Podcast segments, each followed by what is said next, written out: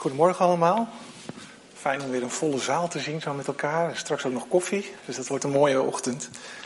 Uh, de titel van de preek, het is al verteld, het is oost of westwaarts met een vraagteken. En uh, het gaat over keuzes maken.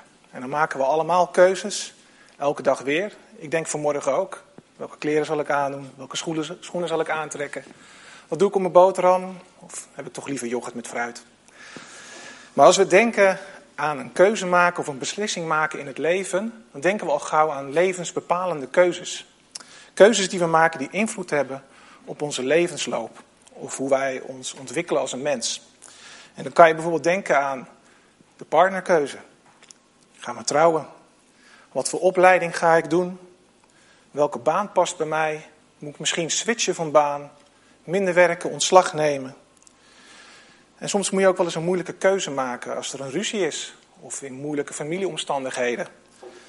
En hier zitten wij als christenen onder elkaar en hebben we allemaal, als het goed is, een keuze gemaakt voor de Heer Jezus. En volgen wij Hem. Dat is pas een levensbepalende keuze die we gemaakt hebben. En sommigen van u zijn gedoopt, anderen nog niet. Misschien twijfel je, misschien moet je de keuze nog maken. Maar in ieder geval hebben wij hier al een keuze gemaakt om deel te worden van Bab Noord. Het zijn allemaal keuzes die wij gemaakt hebben of die we nog moeten maken. En ook met Bab Noord maken wij keuzes. Hè, met elkaar, met stemmingen, met de raad.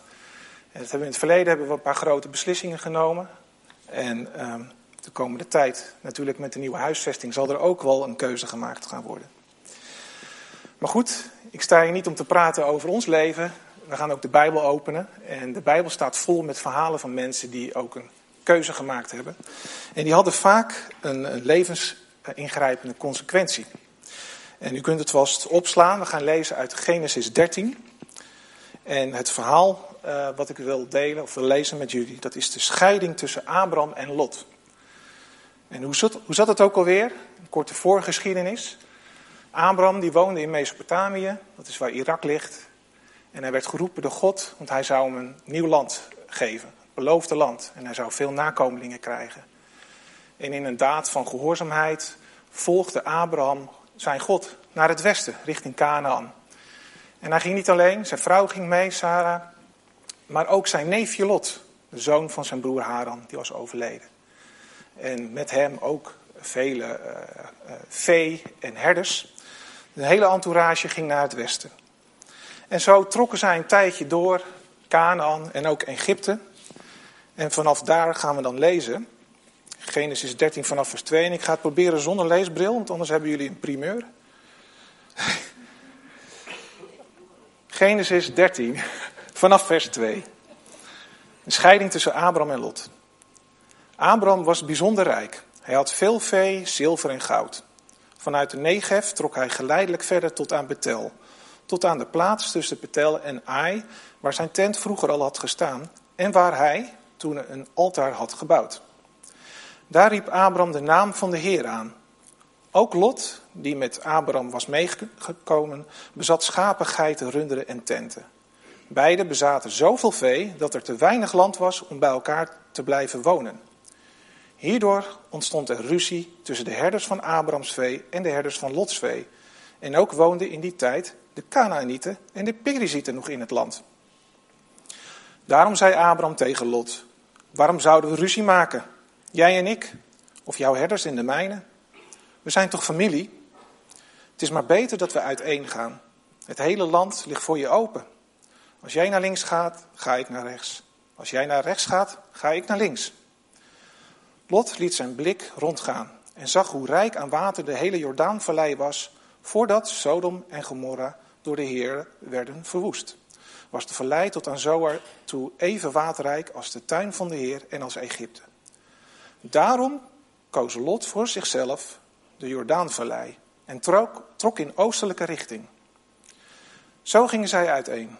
Abraham bleef in Canaan wonen, maar Lot sloeg zijn tenten op bij de steden in de vallei. Zijn woongebied strekte zich uit tot aan Sodom. De mensen daar waren slecht. Ze zondigden zwaar tegen de Heer. Nadat Lot was weggegaan, zei de Heer tegen Abram: Kijk eens goed om je heen. Kijk vanaf de plaats waar je nu staat naar het noorden, het zuiden, het oosten en het westen. Al het land dat je ziet, geef ik aan jou en je nakomelingen voor altijd. Tot zover.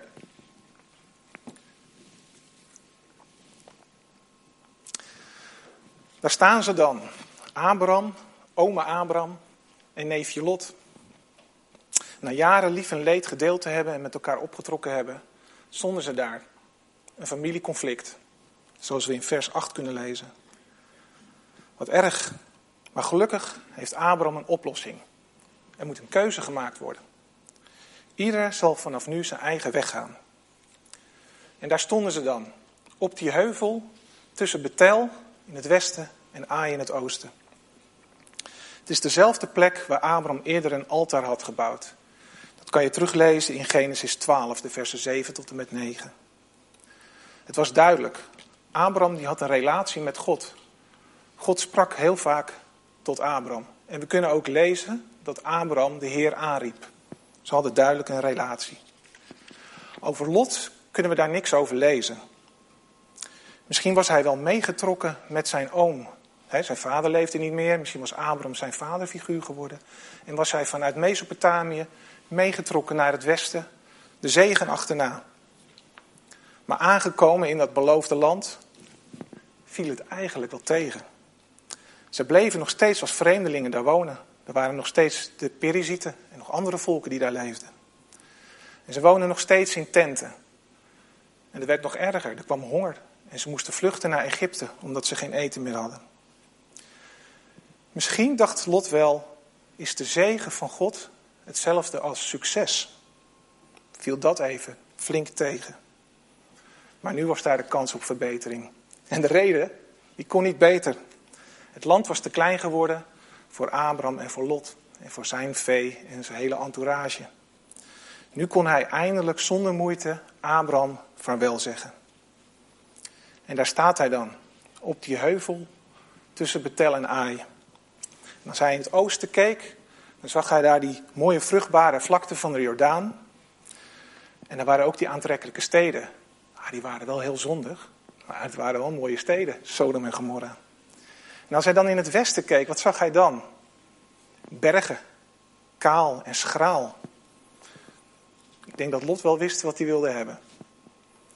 En dan, dan zouden de onderhandelingen wel gaan beginnen. Lot maakte zijn borst wel nat. Of toch niet? Nee, het werd helemaal niet spectaculair. En de gemoederen, die liepen helemaal niet op. Opeens was daar het gulle gebaar van Abraham. Hij zei: Het hele land ligt voor je open. Kies jij maar eerst. Ga je naar links, ga ik naar rechts en andersom. Ga jij naar het oosten, ga ik naar het westen. Andersom. Prima. Wat een aanbod. Maar kent Lot zijn plaats? Hij is een stuk jonger. En Abraham, die was weggegaan omdat God hem had geroepen. Hij was zijn oom, de oudere. Had hij respect voor hem? Zou hij dit aanbod weigeren? Van nee, dat kan echt niet. Kent Lot zijn plaats? Nee hoor. Hij gaat gretig in op het voorstel. Lot koos verkeerd, zou je kunnen zeggen. In vers 11 lezen wij: Hij koos voor zichzelf. Hij koos het materiële belang. En daarbij ruilde hij eigenlijk ten diepste de zegen van God in, de belofte van God in. En zo vormde de scheiding tussen Abraham en Lot, daarbij dat altaar tussen Betel en Ai, ook een scheiding van de belofte van Abraham en zijn God. Lot was ook verblind voor de toekomende geestelijke en zedelijke bedreigingen die daar in die steden lagen, van Sodom en Gomorra. Want weet je het dan niet, zoals we in vers 13 kunnen lezen, dat de mannen van Sodom van een zeer kwaadaardig soort waren. Het waren grote zondaars. Er kon alleen maar problemen van komen. Maar misschien koos Lot niet alleen voor zichzelf. We weten dat hij ook nog een vrouw had en twee dochters. We weten dat uiteindelijk toen die steden verwoest werden, dat Lots vrouw haar hart verloren had aan die steden. Dat staat in Genesis 19. Wat een afgang zou dat worden. Er zou een verschrikkelijke straf komen. Dat weten we nu achteraf. Lot wist het toen nog niet. Maar het was daar zo zondig dat God uiteindelijk die steden verwoest heeft. En dat gebied, dat bestaat nog steeds. Dat is waar nu de Dode Zee ligt en uh, het hele gebied daaromheen. En archeologen, gelovig of niet, die zijn, er nog, die zijn ervan overtuigd dat daar iets heel ergs heeft plaatsgevonden, iets catastrofaals. En nog steeds is dit het laagste punt op aarde, op het land. Zo'n 420 meter onder de zeespiegel. Maar we gaan terug naar die heuvel. Want we zien een opvallend verschil als we kijken hoe Lot en Abraham omgingen met de keuze. En dat veel, verschil zien wij tussen vers 10 en vers 14. In vers 10 kunnen we lezen dat Lot om zich heen keek en hij zag al dat moois. Maar als we naar vers 14 gaan, dan staat er: Nadat Lot was weggegaan, zei de Heer tegen Abraham: Kijk eens goed om je heen. En dat is het verschil. Lot die hief zelf zijn ogen op in hebzucht en begeerte. En Abraham die keek ook, maar pas op bevel van de Heere God. Lot kiest voor zichzelf en Abraham krijgt uiteindelijk alles van de Heer. Lot ziet wat er is en Abraham die keek met ogen van geloof. Hoe kon het toch zo fout gaan met Lot? Wat is daar gebeurd? Het is langzaam en geleidelijk gegaan. Zonde gaat altijd langzaam, maar het is wel een hellend vlak. In vers 10 konden we zien dat het begon met kijken. En zoals vaker, wat we in de Bijbel kunnen zien, is dat zonde voorafgaat aan kijken. Denk bijvoorbeeld aan Adam en Eva. Eva keek alleen maar naar de verboden vrucht. En we weten hoe dat eindigde. Het was de zondeval. We kunnen ook denken aan bijvoorbeeld koning David.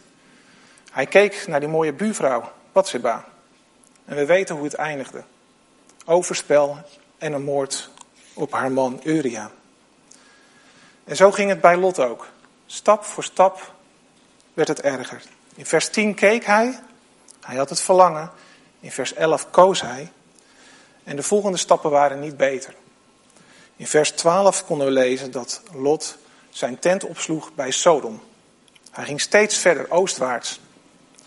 En na de breuk met Abraham is hij uit geestelijk evenwicht geraakt. Die geheimzinnige stad Sodom, ja, die trekt. Dat is interessant. Als we verder gaan lezen in Genesis, dan zien we dat Lot steeds dichterbij zijn tent opsloeg. Uiteindelijk had hij een huis in Sodom. En in Genesis 19, vers 1 kunnen we lezen dat hij zat in de poort van de stad. En daar zaten de belangrijke mannen. Je zou zelfs kunnen speculeren, misschien zat hij wel in het stadsbestuur. Het werd steeds erger. En ook na de verwoesting van die steden ging het door in zijn eigen gezin. De moraal en de zeden van zijn dochters, die waren aangetast. Die waren net zo geworden als de steden Sodom en Gomorra. Ze waren hun man verloren met de verwoesting van die steden. En ze wilden toch nageslacht. En ze pleegden incest met hun vader. Daaruit groeiden de, de, de, de zondige en goddeloze volken, de Moabieten en de Ammonieten. Grote vijanden werden dat van Israël, waar Abraham de stamvader van was. Het is duidelijk. Na de keuze en de scheiding tussen Abraham en Lot zijn ze totaal verschillende kanten uitgegaan. Niet alleen in moraal en in geloofszin, maar zeker ook in tegenovergestelde windrichtingen. Lot ging naar het oosten. Abraham bleef in het westen en ging naar het westen. En zo komen we terug bij de titel van deze preek. Oost of westwaarts. Als we teruggaan naar die heuvel, op de plek waar Abraham het altaar had gebouwd voor de Heer. Dat lag tussen twee steden. Steden, dorpjes. Betel en Ai. Betel in het westen en Ai in het oosten. En net zoals veel ehm, namen en plaatsnamen in de Bijbel heeft het een betekenis. Betel betekent huis van God. En Ai dat betekent zoiets als woestenij of puinhoop. Twee steden, twee opties. Leef met het oog op Betel of ga je richting Ai?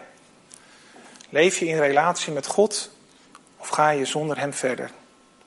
Abraham, hij ging westwaarts met zijn oog gericht op God. Lot ging oostwaarts met zijn oog gericht op zichzelf. Oost of westwaarts. Het is een metafoor voor belangrijke keuzes maken in je leven. Een weg inslaan. En dat zien we vaker terug in de Bijbel. Het is dat betreft ook echt een Bijbels thema. Als we naar oostwaartse bewegingen gaan, als we daaraan denken, Dan kan je eigenlijk al gelijk bij, de, bij het eerste verhaal uh, stilstaan. Adam en Eva en de zondeval. Na de zondeval mochten ze niet meer bij God leven. Ze woonden goed in die tuin. Ze konden met God praten, met hem wandelen. Alles was goed. Maar ze moesten de tuin verlaten. En in Genesis 3, vers 24 kan je lezen dat zij de tuin moesten verlaten via de oostkant. En ze konden niet meer terug. Er werd een engel neergezet met een vlammend zwaard. Ze maakten een oostwaartse beweging. De woestenij in. Weg bij God vandaan. En later zien we het ook bij Israël zelf. Eerst het tien, tienstammenrijk en later Juda en Benjamin. Ze hadden de Heer verlaten. Ze hadden een geestelijk overspel gepleegd, want ze aanbaden andere uh, goden dan de Heere God zelf. Op een gegeven moment was de maat vol en deze, uh, deze stammen werden weggevoerd, in ballingschap genomen. En werden weg bij God vandaan, weg van de tempel waar God was, naar het oosten getrokken, in ballingschap. En nu Lot, ook oostwaarts bij God vandaan. Zijn er ook westwaartse bewegingen? Jazeker, er is altijd een weg terug naar God. We kunnen bijvoorbeeld denken aan de tabernakel en aan de tempel. De plekken om het weer goed te maken met God. Er werd een offer gebracht en je kon een ontmoeting met hem hebben. Als je de tempel of de tabernakel naar binnen wilde gaan, dan ging dat via de Oostpoort. Dus je maakte een westwaartse beweging. Dat is precies het tegenovergestelde. We kunnen ook aan het kerstverhaal denken. De geboorte van Jezus. Toen waren daar opeens die wijzen uit het oosten. En zij kwamen de eer brengen aan de nieuwgeboren koning. En ze trokken naar het westen voor een ontmoeting met hem. En ook straks, als Jezus terugkomt, dan komt hij als koning van deze wereld. En hij gaat naar Jeruzalem. En dan kan je in de Bijbel lezen dat hij via de Gouden Poort de stad naar binnen gaat. Ook wel bekend als de Oostpoort. Dus Jezus maakt dan een westwaartse beweging voor een ontmoeting met ons. Je zou het kunnen samenvatten dat een oostwaartse beweging een beweging weg bij God vandaan is. En een westwaartse beweging is een weg naar Hem toe. Of zijn weg gaan. Of een ontmoeting hebben met Hem. En dan ga ik toch even drinken. Want de vraag is natuurlijk, wat hebben we aan dit verhaal? Wat kunnen we met deze informatie? Wij zitten hier allemaal als volgelingen van Jezus. en wij hebben ons leven gewijd om een westwaartse beweging te maken. Daar kunnen we het over eens zijn. Maar net zoals Abraham God volgde naar het westen, stond hij opeens op die, op die heuvel met een familieconflict. En zo komt het ook in ons leven voor dat wij op die denkbeeldige heuvel staan. Die heuvel tussen Betel en Ai. En moeten we soms moeilijke keuzes maken. Dan is het goed om juist op zo'n moment erbij stil te staan. Hoe maak ik mijn keuze? En weeg steeds af, maak ik een keuze op basis van persoonlijke verlangens, voorkeuren en misschien wel gevoed door teleurstellingen in het leven, zoals Lot. En maak je een keuze zonder hem. Of maak je een keuze op basis van een relatie met God, in vertrouwen met hem. En misschien moet je even wachten met een keuze maken zoals Abraham dat deed. En dat God hem uiteindelijk de weg wees. En ik denk dat dit goed past bij het jaarthema wat we dit jaar behandelen met Bad Noord. Zoek eerst het koninkrijk van God. En als we dat vers nog een keertje lezen, en dan lees ik u vooruit de Bijbel in gewone taal. Matthäus 6, vers 33, dat gaat over zoek eerst het koninkrijk van God. Dan staat het er zo. Hou je bezig met Gods nieuwe wereld en doe wat God van je vraagt. Dan zal God je al die andere dingen ook geven. We staan allemaal wel eens op die heuvel. En we doen natuurlijk ons best. Maar we moeten eerlijk zijn, we maken soms verkeerde keuzes. We doen het met vallen en opstaan. Wij maken ook fouten. En die heeft Abraham later ook gedaan. Soms maken we de verkeerde keuze en dan gaan we toch oostwaarts. Misschien gevoed door hebzucht. Misschien in een familieruzie dat je de verkeerde keuze hebt gemaakt uit je boosheid. Misschien laat je je leiden door verkeerde verlangens. Vul het zelf maar in. U zult het vast herkennen. Dan roept Jezus ons terug. Kom terug naar mij. Ga naar het westen. We hebben een vergevende vader. En daarover schreef uh, David ook in Psalm 103. En ik zal hem toch voorlezen. Past er goed bij. Psalm 103, vers 12. Zo ver als het oosten is van het westen, zo ver heeft hij onze zonde van ons verwijderd. We hebben een vergevende vader. Hoe mooi is dat? Maar misschien denkt u, als ik op die heuvel sta, dan is het soms wel heel moeilijk om een keuze te maken. En die Abraham, ja, die had het wel heel makkelijk. Want die had een belofte gehad. Hij zou een beloofd land krijgen, veel nakomelingen. Maar wat is mijn belofte? De Bijbel leert ons dat wij geliefd zijn. En vergeven en gered door de Heer Jezus. De Bijbel leert ons dat wij een God hebben die ons wilt helpen. Maar hoe ons levenspad loopt, bij ieder persoonlijk, dat weet ik niet. Maar de Heere God weet het wel. Sterker nog, het pad staat al vast en hij heeft het al voorbereid. Paulus omschreef het als volgt in Efeziërs 2, vers 10. Want hij is het die ons gemaakt heeft tot wat wij nu zijn. In Christus Jezus geschapen om de weg te gaan van de goede daden die God heeft voorbereid. Dat is dus de weg die wij moeten gaan. Een weg van goede daden en die heeft God zelfs al voorbereid. Maar hoe ontdekken wij dat? Iedereen zou dat toch willen? Onze hemelse vader trots maken, westwaartse beweging maken, goede daden doen. Hoe ontdekken wij dat? Ik denk dat we dan ook weer moeten kijken naar Abraham. Hij had een levende relatie met God. En dat is iets wat wij ook moeten onderhouden. En hoe doe je dat?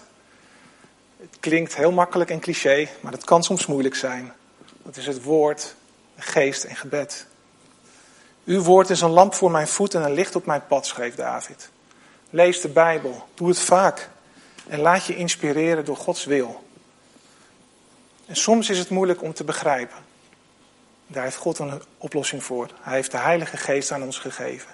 En de Heer Jezus sprak daar al over tegen zijn discipelen toen de Heilige Geest moest komen. En toen zei Jezus, het staat in Johannes 14, de Heilige Geest zal jullie herinneren aan alles wat ik tegen jullie gezegd heb. En hij zal ervoor zorgen dat jullie het begrijpen. En ik geloof nog steeds dat de woorden die Jezus gezegd heeft en die opgeschreven staan in de Bijbel, dat die ook aan ons gericht zijn en dat de Heilige Geest ons helpt het te herinneren in die situaties dat we een keus moeten maken, maar ook om het te begrijpen. En als laatste bidden. Misschien als je eerlijk bent, zou je wat vaker willen bidden. Het sluit er soms zo in. Maar bidden is zo mooi. Je praat met God. Je kan hem je leven delen en je vragen stellen. En dat hoeft niet alleen. Elke zondag na de dienst staat het gebedsteam klaar, ook vanmorgen neem ik aan. En dan kan je met je hulpvragen ook bij God terecht. God staat altijd voor je klaar. In Jacobus 1 vers 5 staat, komt één van u wijsheid tekort, vraag God erom. En hij die aan iedereen geeft, zonder voorbehoud en zonder verwijt, zal u wijsheid geven.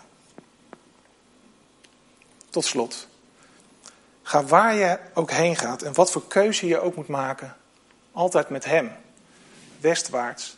En God heeft beloofd dat Hij wil helpen en Hij zal leiden. En je zal zien dat Hij soms op de meest wonderbaarlijke manieren tot je zal spreken. En misschien herkennen jullie dat ook. En aangezien we toch koffie drinken hebben na de dienst, hoe mooi zou dat zijn om dat met elkaar te delen ter bemoediging. Amen. Zal ik met jullie bidden? De God, Vader in de hemel, we willen u danken, Heer, dat u alles in uw hand hebt.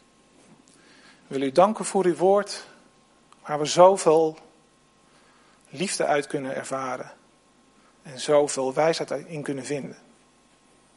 Heer, we weten dat wij geliefd en gered zijn, want u bent een vergevende Vader. Dank u wel, Heer Jezus, dat u die weg bent gegaan om weer een ontmoeting te kunnen regelen met ons. Want wij waren zo ver oostwaarts gegaan. En Heer, als volgelingen van u, Heer Jezus, hebben wij ons leven gewijd om westwaarts te gaan. Om de goede dingen te doen die u al voorbereid hebt. Maar we moeten ook eerlijk zijn. We gaan soms de verkeerde kant op. En Heer, Als we dat misschien niet doorhebben, wilt u ons dat dan duidelijk maken? Zodat we weer dat we ons kunnen omkeren en naar u kunnen gaan. Heer, dank u wel dat u ons wilt vergeven en dat u ons wilt helpen. En misschien zitten we op dit moment met een moeilijke vraag. Met een keuze die we moeten maken in ons leven waar we niet uitkomen. Dan wil ik u vragen, wilt u ons helpen? Zoals u Abraham hielp door te zeggen, kijk nu maar om je heen. En dat u met een oplossing komt, wilt u ons ook tegemoet komen. En Heer, dat vragen we aan u, omdat u alles in uw hand hebt. En omdat wij u vertrouwen. Dank u wel, Heer. Amen.